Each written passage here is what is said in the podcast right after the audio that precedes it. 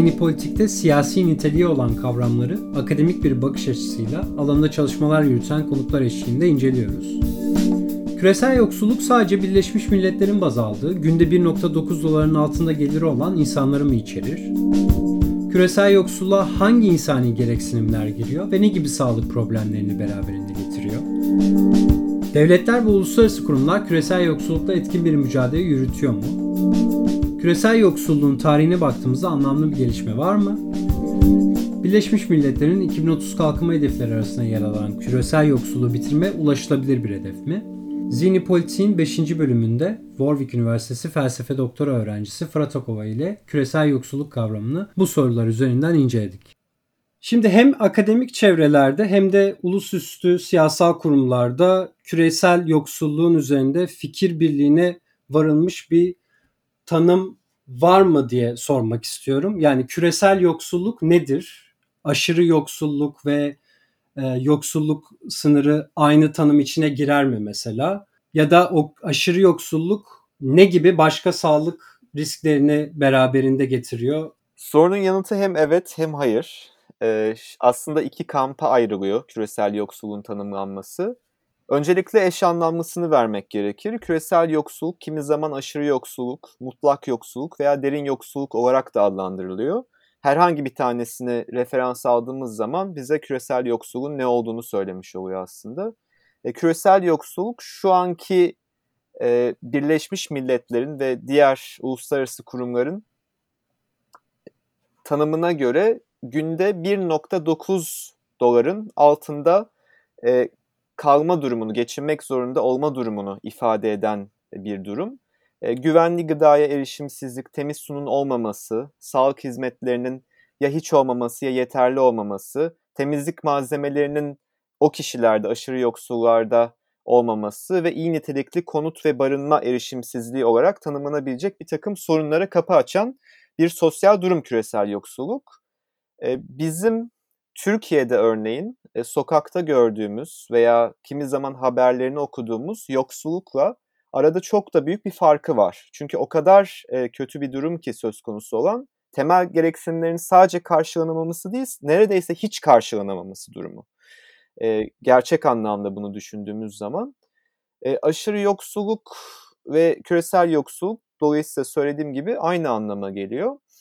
1990'lara kadar yükselen bir aşırı yoksul sayısı var. 2 milyar eşiğine gelmişti o dönem. E, şu an ise 500 milyonu aşkın insanın aşırı yoksul olduğu tahmin ediliyor hesaplamalara göre. Yani 1.9 doların altında geçinmek zorunda kalan, geçinmek denebilirse eğer buna yaşamak durumunda olan kişilerin e, sayısı bu. Ama bir taraftan da bu 1.9 dolar sınırı eşiği konusunda ciddi bir tartışma var. Çok uzun zamandır bu sınır, yani küresel yoksulluk eşiği 1.9 doların altında tanımlanıyor çünkü zaman içinde enflasyona göre ayarlanmış. Bir dönem mesela 1.25'ti sonra enflasyona göre ayarlandı 1.90 oldu. İlerleyen zamanlarda da e, bu yeniden güncellenecek ama e, kimi akademisyenler ve uzmanlar 1.9 doların altında yaşama durumunun hiçbir şekilde gerçekçi olmadığını söylüyor. Ve verileri baskıladığını, gizlediğini söylüyor. Örneğin e, Jason Hickel diye bir akademisyen var. The Divide diye bir e, kitabı var. E, alım gücü hesaplamalarında oynamalar veya istatistikleri güzel göstermek için veya küresel yoksulların sayısı azalıyormuş gibi göstermek için 1.9 doların kurgulanmış bir e, eşik olduğunu iddia eden e, akademisyenlerden biri. E, enflasyona göre de yükselen bir aşırı yoksulluk eşiğinin yeterince atılgan olmaması eleştirisi de var. Yani çok daha yüksek olması gerekiyor bu eşiğin eleştirileri var. Kimi akademisyenler Hickel dışında 3 e, dolar öneriyorlar, 5 dolar öneren var, hatta 10 dolar öneren var. E, ve dünyanın yaklaşık %70'i şu an günlük 10 doların altında geçimini sağlıyor. Örneğin 10 doları bir eşik olarak alsak aslında e, küresel yoksulların sayısı dünya nüfusuna oranla %70. Dolayısıyla e, bu iki kamp arasında ciddi bir farklılık var. Bir tarafta e, %10'un altında 1.9 doların %10'un altında küresel nüfusun altında küresel yoksul var derken bir kısımda %70'e yakının aslında küresel yoksul olarak tanımlanabileceğini söylüyor. O yüzden fikir birliği var mı? E, herkesin kendi arasında var denebilir. yani fikir birliği yok. Evet. yani bu e, çok ideolojik de bir altyapısı var gibi duruyor. Yani iyimser olmak isteyenler ve kötümser olmak isteyenler gibi her akademisyen niye bu kadar farklı düşünebiliyor? Yoksulluk gibi hani böyle çok matematiksel e, gibi gözükebilen en azından akılda böyle canlanabilen bu konuda niye bu kadar e, sence anlaşmazlık var?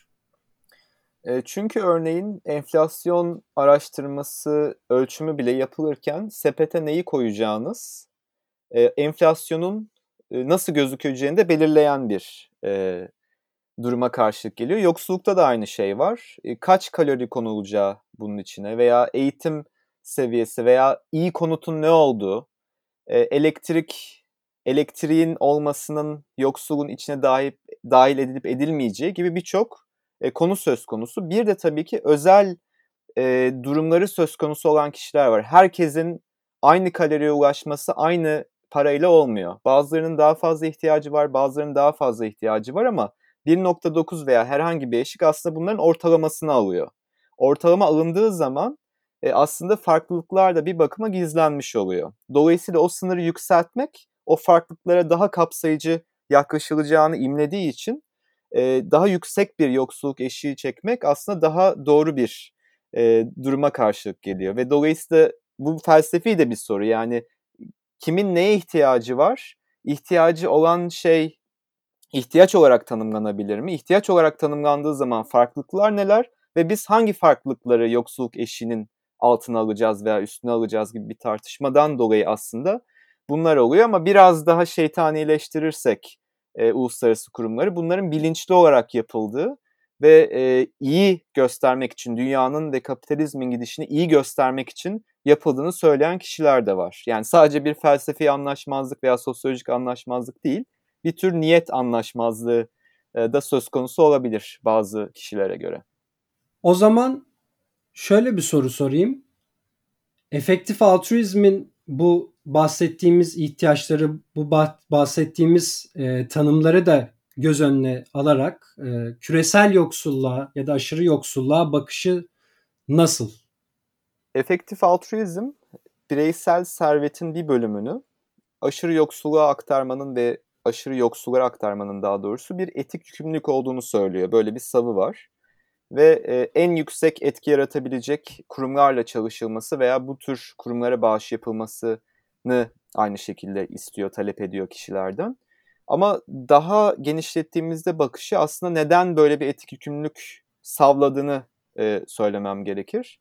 Efektif altruizmin küresel yoksulluğa bakışını daha iyi anlamamız için yani neden böyle bir etik yükümlülük e, savladığını anlamamız için aslında bunun kökenine inmemiz gerekiyor. Neden böyle bir etik yükümlülüğümüz olduğunu söylüyor efektif altruizm. Sonuçta hiç tanımadığımız insanlar kilometrelerce uzaktalar, deniz aşırı ülkelerde yaşıyorlar. E, üç tane neden söylenebilir bunun için. Yani bizim hiç e, onları tanımayan insanlar olarak onlarla ilişkimizi e, temellendiren kökenler bunlar. Birinci köken yapabilirlik ilkesi olarak söyleyebileceğim çok küçük özverilerde bulunarak çok büyük yararlar elde etme durumu. Yani hazım için yediğim ek bir gıdadan veya kimi zaman bir kültür etkinliğinden veya yaşamımı derinden etkilemeyecek ama üstüne harcama yaptığım ögelerden vazgeçerek e, kurumlara belli bir bağış yapabilirim ve çok yüksek etkiler yaratabilir bunlar. Bunu daha sonra açıklayacağım. Nasıl böyle etkiler yaratabileceğimizi ama birinci şey bu yani çok güçlü bir durumum söz konusu tarihsel olarak ve e, içinde bulunduğum koşullar olarak aşırı yoksullara karşılaştırınca herhangi bir e, orta sınıf e, kişinin Avrupa'da veya Kuzey Amerika'da yaşayan veya diğer ülkelerde yaşayan ama iyi durumda olan kişiler açısından. İkinci ilke şans ilkesi olarak e, nitelendirilebilecek bir ilke. En başta ki bu ki, kimi zaman bu bir posta kodu piyangosu olarak da adlandırılıyor dünyaya geldiğimiz zaman yani doğduğumuz zaman herhangi bir insanın bir seçim olanağı yok. Hak edilmemiş avantajlarla ve hak edilmemiş dezavantajlarla doğuyoruz. Ben belli bir ülkede doğuyorum, bir başkası belli bir ülkede doğuyor. Herkes başka bir e, servet ağına, kişisel ilişkiler ağına, şehir ağına doğuyor ve herkesin e, avantajları ve dezavantajları farklı oluyor ama aşırı yoksul gibi bir kesimin çok büyük hak edilmemiş dezavantajları söz konusu. Yani hiçbir şekilde onlar o durumda olmak için bir şey yapmadılar ama kendilerini şansın bir eseri olarak orada buldular. Ve aslında böyle bir şans eşitsizliği, hak edilmiş e, bir şeyin olmaması durumu ve hak edilmemiş avantajlarla hak edilmemiş dezavantajların asimetrik olması benim o kişilere karşı, bizim o kişilere karşı belli etik yükümlülüklerimiz olduğunu söylüyor. Çünkü benim servetimin parçaları, ben bunu hak etmediysem eğer, kendi durumlarının kötülüğünü hak etmeyen kişilere aktarılabilir durumda ve ben bunu kendine tuttukça aslında olan onlardan bu serveti alıkoyuyorum. Yanlış ve olmaması gereken bir şekilde. Bu da bir şans ilkesi doğuruyor. Şans eşitsizliği üzerinden bir etik yükümlülüğümüz olduğunu ifade ediyor. Bir üçüncüsü, e, bu da pratik e, konulara karşılık gelen şeyler zarara katkı sunma durumu ilkesi. Ben orta sınıf bir birey olarak Avrupa'da ve Amerika'da yaşayan aşırı yoksulluktan yararlanabiliyorum. Nasıl yararlanabiliyorum? Hiç bilmeden de yararlanabilirim bundan.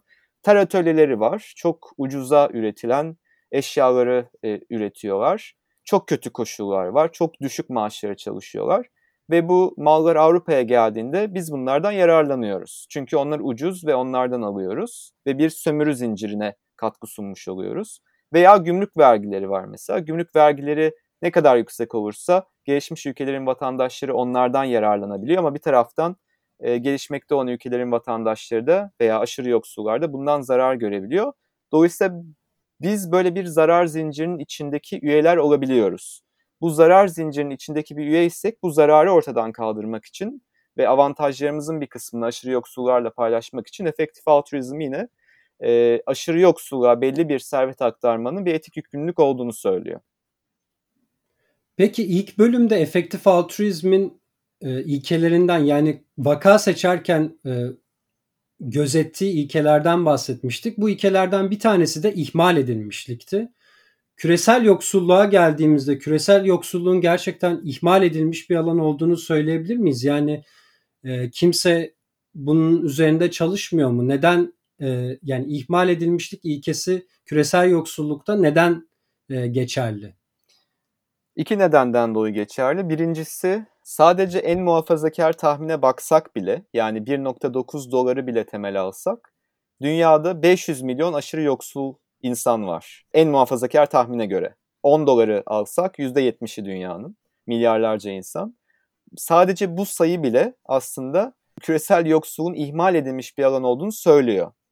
Ama bir taraftan da şu var. Çok küçük özverilerle, çok küçük paralarla, kaynaklarla çok yüksek etkiler yaratılabiliyor. Ya da şöyle bir veri vereyim mesela. Birleşmiş Milletler 2000 yılında hazırlanan milenyum kalkınma hedeflerinde 2015'e kadar aşırı yoksulluğu sıfırlama amacı gidiyordu. 2015'e geldik bu olmadı. 2016 yılında 2030 yılına kadar sürlü, sürdürecek, sürdürülebilir kalkınma hedeflerini koydu. Hedef aynı yine yoksulluğu ortadan kaldırmak. Şimdi Birleşmiş Milletler içinde çalışan ve Columbia Üniversitesi'nden bir profesör var Jeffrey Sachs diye.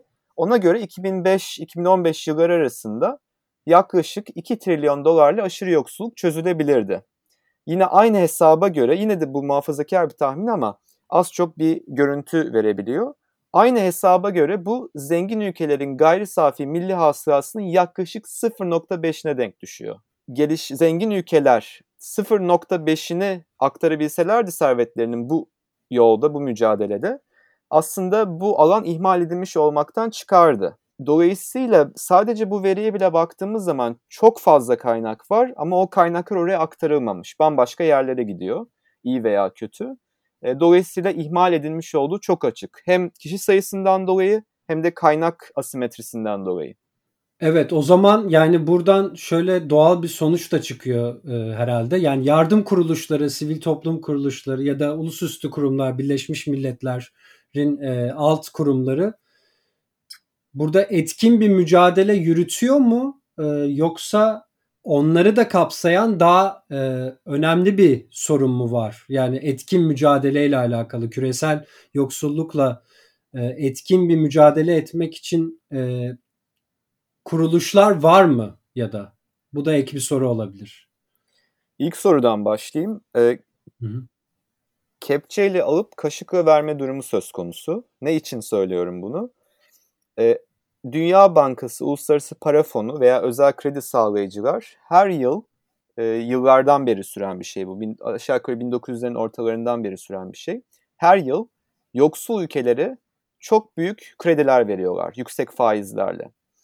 E, dış borç yaratıyor bu. 2017'nin sonunda 356 milyar dolar dış borçları var birçok yoksul ülkenin. Yasa dışı finansal çıkış diye bir olgu var. Bu işte vergi kaçakçılığı veya yanlış faturalandırma gibi durumlardan oluşuyor. Bunlar 2002-2013 yılı arasında, yılları arasında 528.9 milyar dolardı.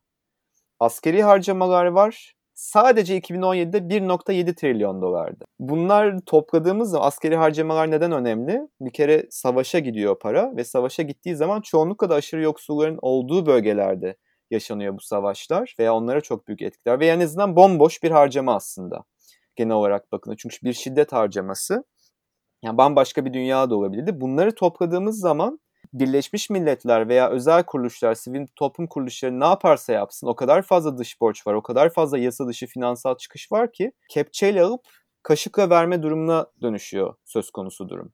Yani bu bir toplumsal sistem sorunu aslında. Dolayısıyla bir kuruluş ne kadar efektif olursa olsun sistemin kendisi böyle işlediği için e, yoksul ülkeleri borçlandırarak, yıllar boyunca borçlandırarak bir sistem ürettiği için burada bir sıkıntı söz konusu. Bir dönem mesela Zambiya'nın dış borcu %200'dü. Kendi gayri safi milli hasılasına göre. Yani sürekli borç ödüyorlar. Sürekli borç için çalışıyordu oradaki insanlar. Birçok e, Afrika ve Asya ülkesinde de durum hala benzer.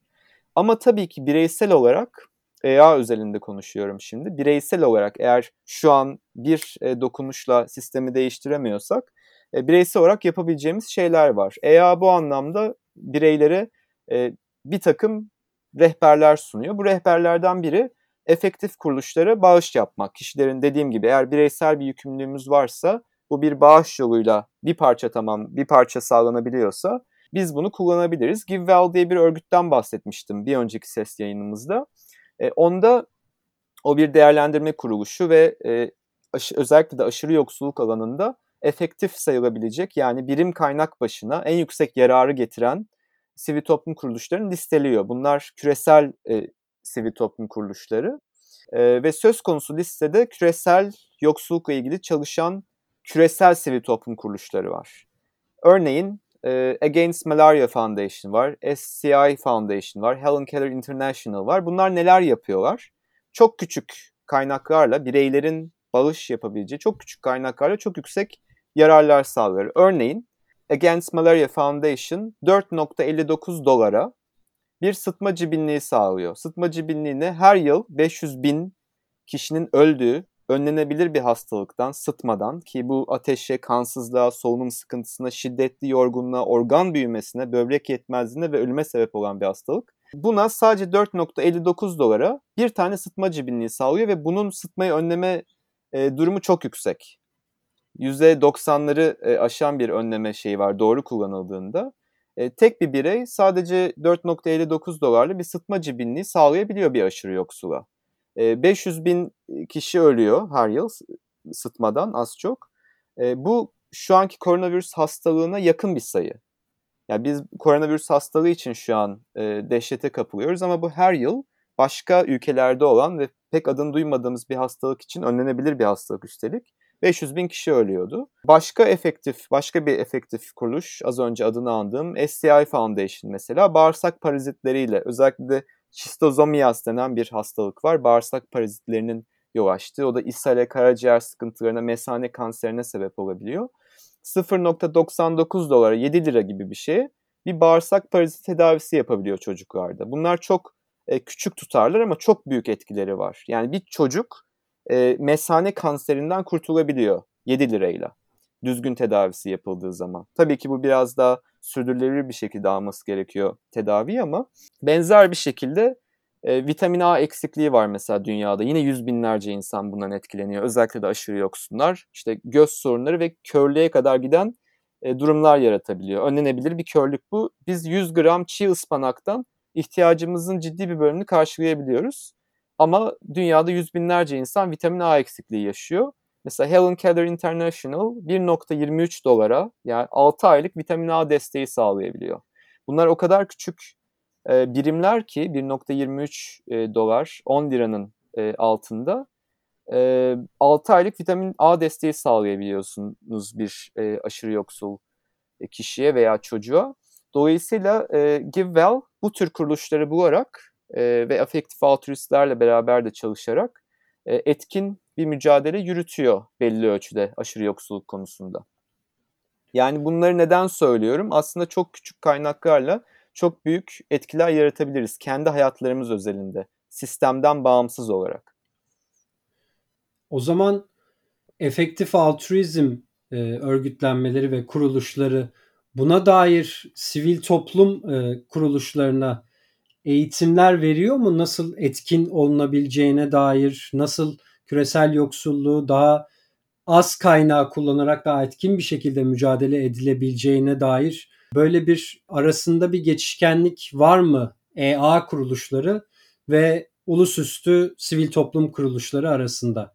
EA özelinde var çünkü bu alanlarda çalışan araştırmacılar e, diğer kuruluşlarla da işbirliği yapıyor. Bunu doğrudan GiveWell yapıyor mu emin değilim. Belki yapıyorlardır. Ama o bir değerlendirme kuruluşu olduğu için onun asıl işi aslında bu sivil toplum kuruluşlarını incelemek ve desteklemek ama oradaki bazı araştırmacıların veya benzer alanlarda çalışan bazı araştırmacıların diğer kuruluşlarla da etkileştiğini biliyorum. Aynı zamanda da GiveWell şöyle bir ilginç araştırma projesine başladı. Aslında bu diğer kuruluşları etkileyebilecek bir e, proje. Aşırı yoksulların neyi önemsediğine dair araştırmalar yapmaya başladı. Doğrudan aşırı yoksullarla konuşarak ve anketler düzenleyerek ve saha araştırması yaparak e, buna etik ağırlıklandırma projesi, Moral Weights Research deniyor. Etik ağırlıklandırma da aşırı yoksulların neyi önceledikleri, kendi hayatlarında neyi önceledikleri e, soruluyor. Yani e, geliri, gelirin artışını mı önceliyorlar, tüketimin artışını mı önceliyorlar, hayat e, kalitesinin yükseltilmesini çeşitli ölçütleri var bunun, önemsiyorlar. Bunları anlayıp e, diğer kuruluşları da buna göre değerlendirmeye başladılar. 2009 2019 e, özür diliyorum itibariyle. Bu da çok önemli bir araştırma çünkü bu aynı zamanda sadece GiveWell'ın e, desteklediği veya önerdiği kuruluşlar için değil, diğer kuruluşlar için de bir standart olabilecek bir araştırma olduğunu düşünüyorum. Bu çok yeni bir araştırma. İlk defa bu denli e, bu tür bir araştırmaya başladı ama ben çok önemsiyorum. Tepeden e, aşağı değil de aşağıdan yukarı olması açısından bütün bu e, yardımların ve e, anlaşılma durumlarının. Peki yoksulluğun genel anlamda tarihine düşündüğümüzde nasıl bir gidişattan bahsedebiliriz? Yani daha iyimser bir tablo mu var yoksa daha kötümser bir tablo mu var yoksa daha gri alanda bir tablo mu var ve daha öngörülemez bir gidişimi var? Ben gri alan derdim. E, yanıt vermenin zor olduğunu düşünüyorum bu soruya. Şöyle diyebiliriz yine muhafazakar tahmine göre 1.9'u temel aldığımızda sadece orana bakarsak yani %10 e, o tahmine göre %10'u aşırı yoksul dünyanın. Sadece orana bakarsak gayet iyi gidiyoruz. Çünkü e, kapitalizmin başlangıçlarında küresel nüfusun %50'den fazlası bir dönem aşırı yoksuldu. Özellikle yeni yeni gelişmekte olduğu zamanlar kapitalizmin. E, bu tahmine göre şimdi küresel nüfusun %10'dan azı aşırı yoksul yaşıyor. Dolayısıyla iyi gidiyoruz gibi görünüyor. Ama bir taraftan hı hı. bu tahminde bile e, mutlak sayı yükseldi. Çünkü nüfus çok hızlı arttı. E, eskinin %50'sinin verdiği sayı şimdinin %10'unun verdiği sayıdan daha düşük. O zaman çok daha az bir nüfus vardı. Şimdi çok daha fazla var. Dolayısıyla şimdinin %10'u daha yüksek bir e, aşırı yoksul sayısına işaret ediyor. Ama tabii bu sadece muhafazakar tahminden bakarsak. Eğer muhafazakar tahminden çekilirsek ve diğer tahminlere kucak açarsak ve dediğim gibi 10 doları mesela temel alırsak en geniş e, ağırlıklandırma sayılabilir. O zaman dünyanın %70'i bu halde ve kötüye gidiyoruz. Hem de çok kötüye gidiyoruz. Çünkü nüfus yükselmiş, nüfusun yükselmesine rağmen %70 gibi bir e, sayı söz konusu. Bu da zaten milyarlarca insan, 5 milyar civarı bir insana denk geliyor.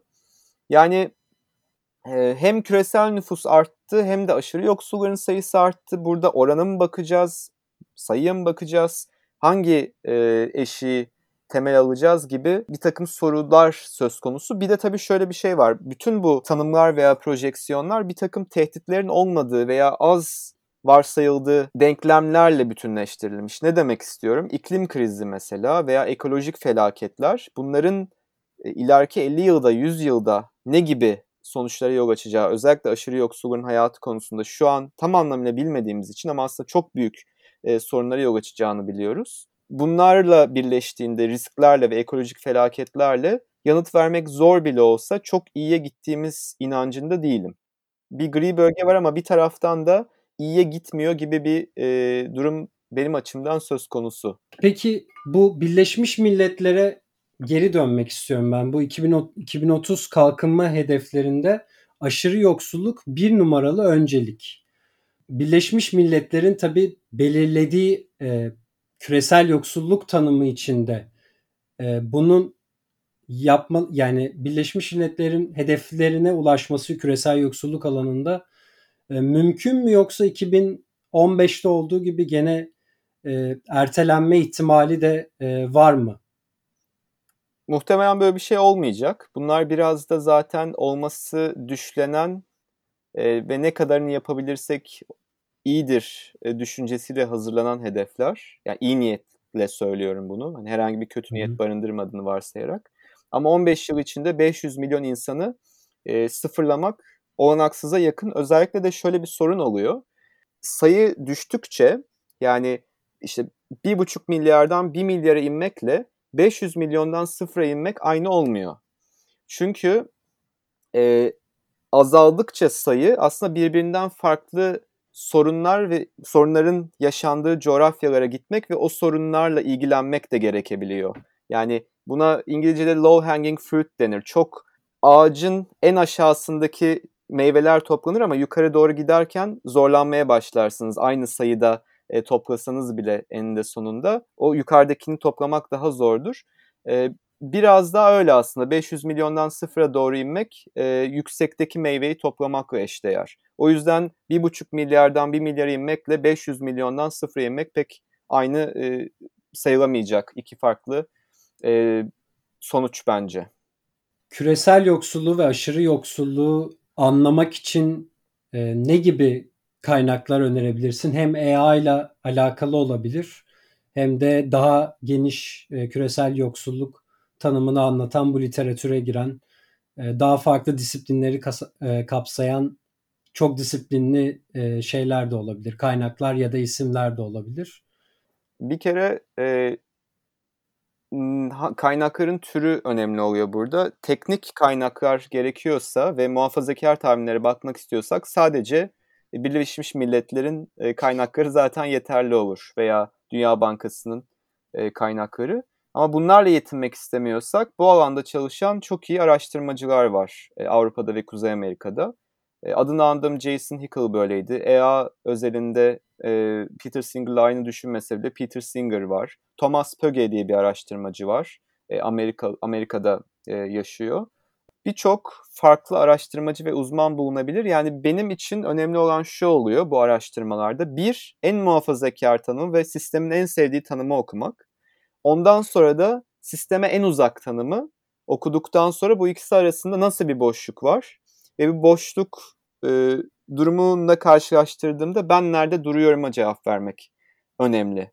E, ben iki uç e, tarafın beraber okunup beraber değerlendirilmesi gerektiğini düşünüyorum. O yüzden belli bir kaynak vermektense belli bir metodoloji vermek bu alanda okuma yapmak için e, benim için daha doğru. Gri alan dediğin şey de bu olsa gerek aslında. Yani iki tarafı da iki e, uç tarafı da e, hem okuyup e, ve evet kendi kişisel olarak nerede durduğunu e, böyle önemli bir konuda küresel yoksulluk gibi önemli bir konuda e, şart gibi duruyor sanırım. Ki çok nesnel olduğu varsayılan bir alan. Sanki bir evet. beden ölçüsü alır gibi veya e, mezureyi bir yerden A noktasından B noktasına taşır gibi ama kesinlikle öyle değil. Yani e, ekonomi alanındaki her şeye zaten az çok böyle yaklaşmak gerekiyor. Çok nesnelmiş gibi görünen şeylerin altında oldukça öznel varsayımlar olabiliyor. O öznel varsayımları da ancak felsefe alanından veya siyaset bilimi alanından kişilerin e, sorguyu açması beklenir. E, o anlamda da bunları nesnel veriler olarak değil, öznel varsayımlara dayalı, nesnel gibi görünen e, veri yorumlamaları olarak görmek gerekiyor. evet. Küresel yoksulluk deyince şimdiki zamandan ve geçmiş zamandan daha çok bahsediyoruz. Peki uzak gelecekte yani bundan belki 100 uzak gelecek tanımına da bağlı bu tabi. Belki 100 belki e, 10 bin yıl sonra bu küresel yoksulluk meselesi hem AI ile de beraber düşünülür, düşünebilirsek nasıl bir yere varacak ve AI bununla ilgili e, ne gibi aksiyonlar öneriyor ya da ne gibi e, teoriler ortaya atıyor? Bir gerilim noktasına işaret ediyorsun aslında. Önemli bir e, nokta burası. Uzak gelecekte 100 yıl sonra diyelim ki aşırı yoksullar olacaksa eğer onlara yardım etmek veya onların hayatını iyileştirmek gibi bir seçeneğimiz var. Bir de şimdiki, şimdi de yaşayan aşırı yoksulların hayatını iyileştirmek gibi bir seçeneğimiz var. Ee, bu ikisi arasında nasıl karar vereceğiz? Bu çok ciddi bir soru. Yani şöyle bir varsayımımız olsun, ölçmüş olalım. Her türlü e, en iyi olarak gördüğümüz e, ölçümü yapmış olalım ve şunu görüyoruz.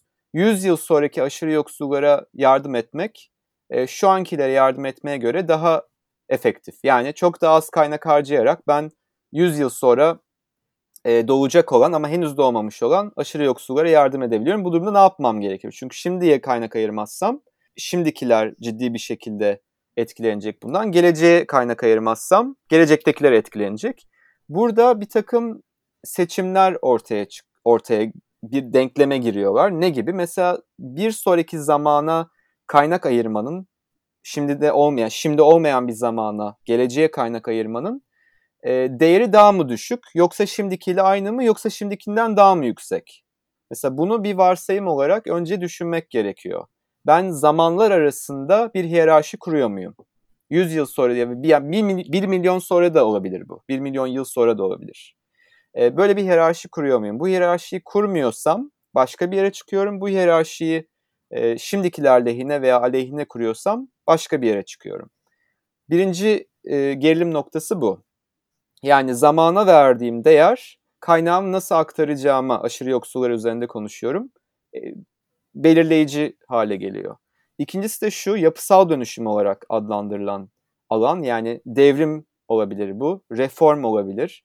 Dünyadaki kurumları tamamen ortadan kaldırmak ve yenilerini kurmak barışçıl yollarla da olsa olabilir. Mesela buna kaynak ayırmanın çok yüksek bir riski var. E, çünkü çok e, milyonlarca insanın mobilizasyonunu gerektiriyor. E, eğer devrim olacaksa şiddet eylemleri gerekebilir veya barışçıl yöntemlerle olacaksa çok uzun zamana yayılabilir. Çünkü hak hareketleri böyle.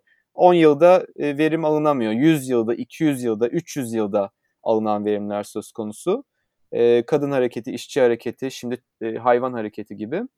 Dolayısıyla ama bir taraftan o böyle bir şeye kaynak ayırmak çok yüksek bir şey getireceği için çok riskli olmasına rağmen çok yüksek bir şey getirecek. Yani yüksek risk, yüksek getiri var. Ama eğer çok daha az riski olan bağış gibi veya servetin bir bölümünü bu alanda çalıştırmak gibi çok düşük ama kesinliği neredeyse %100 e, olan bir şeye kaynak ayırmak gibi bir ikilem var. Yani yüksek getiri, e, yüksek belirsizlik, e, düşük getiri, düşük belirsizlik gibi bir ikilem ve efektif altruistler de örneğin bu iki konuda çeşitli varsayımlar yaparak simülasyonlar yapıyorlar. Ben de bu simülasyonlardan birini tezimde yapmıştım mesela ve gerçekten e, zor bir şey. Yani buna bu konuda kararlar almak özellikle devletler düzeyinde veya çok büyük kaynaklar özelinde çok zor. Peki kaparken son bir soru da aklıma geldi. Yani bunu bu aslında kişisel de bir soru olabilir. Senin nasıl baktığınla alakalı da olabilir. Küresel yoksulluğa daha sağlıklı, daha doğru şekilde nasıl bakmak, nasıl yaklaşmak, bu konuyu nasıl ele almak gerekir? Nasıl e, daha doğru ele alabiliriz? İki boyutu var. Birinci boyutu bireysel boyutu. Kesinlikle her birimizin belli bir e, yaşam yeterliliğine sahipsek eğer o kişileri hiç tanımasak da onlar hakkında çok fazla bir şey bilmesek de yani birebir bilmesek de etkileşimsel olarak bilmesek de onlara karşı sorumlu hissetmek ve servetimizin bir bölümünü onların hayatları için ayırmayı bir etik yükümlülük olarak görmesi gerektiğini düşünüyorum. Bu birinci metodolojik bakış. Yani bunu görmediğimiz zaman hak edilmemiş avantajlarımızın üzerine oturmuş oluyoruz. Çok küçük kaynaklarla çok yüksek şeyler yapabilecekken yapmamış oluyoruz. Ve aynı zamanda da insan hakları ihlalinin olduğu bir şey için sessiz kalmış oluyoruz. Birincisi metodolojik olarak e, belli bir yaşam standartına, yeterliliğine sahip bir kişinin nerede yaşar, yaşarsa yaşasın e, bunu görmesi ve benimsemesi gerekiyor. İkincisi de devletler veya e, kurumlar düzeyinde buradaki e, durumun da bir önceliklendirme metodolojisine oturtulması gerekiyor.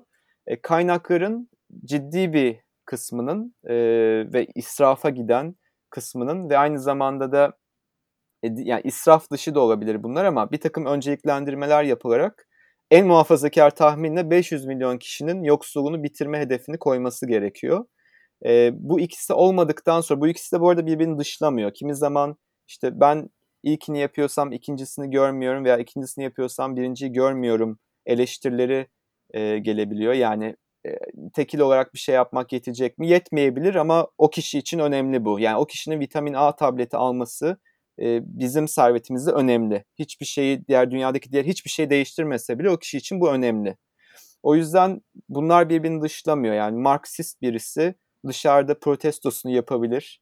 E, isterse ilgili örgütlenmelerine katılabilir ama aynı zamanda kişisel servetinden o insanların o insanların refahı için bir şey ayırmaması e, ayırmaması gerekir gibi bir ilkeyi koyması e, doğru olmaz. Bence bu ikisi birbirini birbiriyle bütünleşiyorlar ve hiçbir zaman bunları birbirinden ayırmamak gerekiyor. Zihni Politik'in 5. bölümü Küresel Yoksulluğu dinlediniz. Zihni Politik'e Spotify, Apple ve Google Podcasts ve tüm podcast dinleme platformlarından abone olup kulak vermeyi unutmayın. Zihni Politik'e önerilerinizi ve görüşlerinizi zihnipolitik.gmail.com e-posta adresinden, Anchor FM'den ve sosyal medya hesaplarından iletebilirsiniz. Bir sonraki bölümde görüşmek üzere.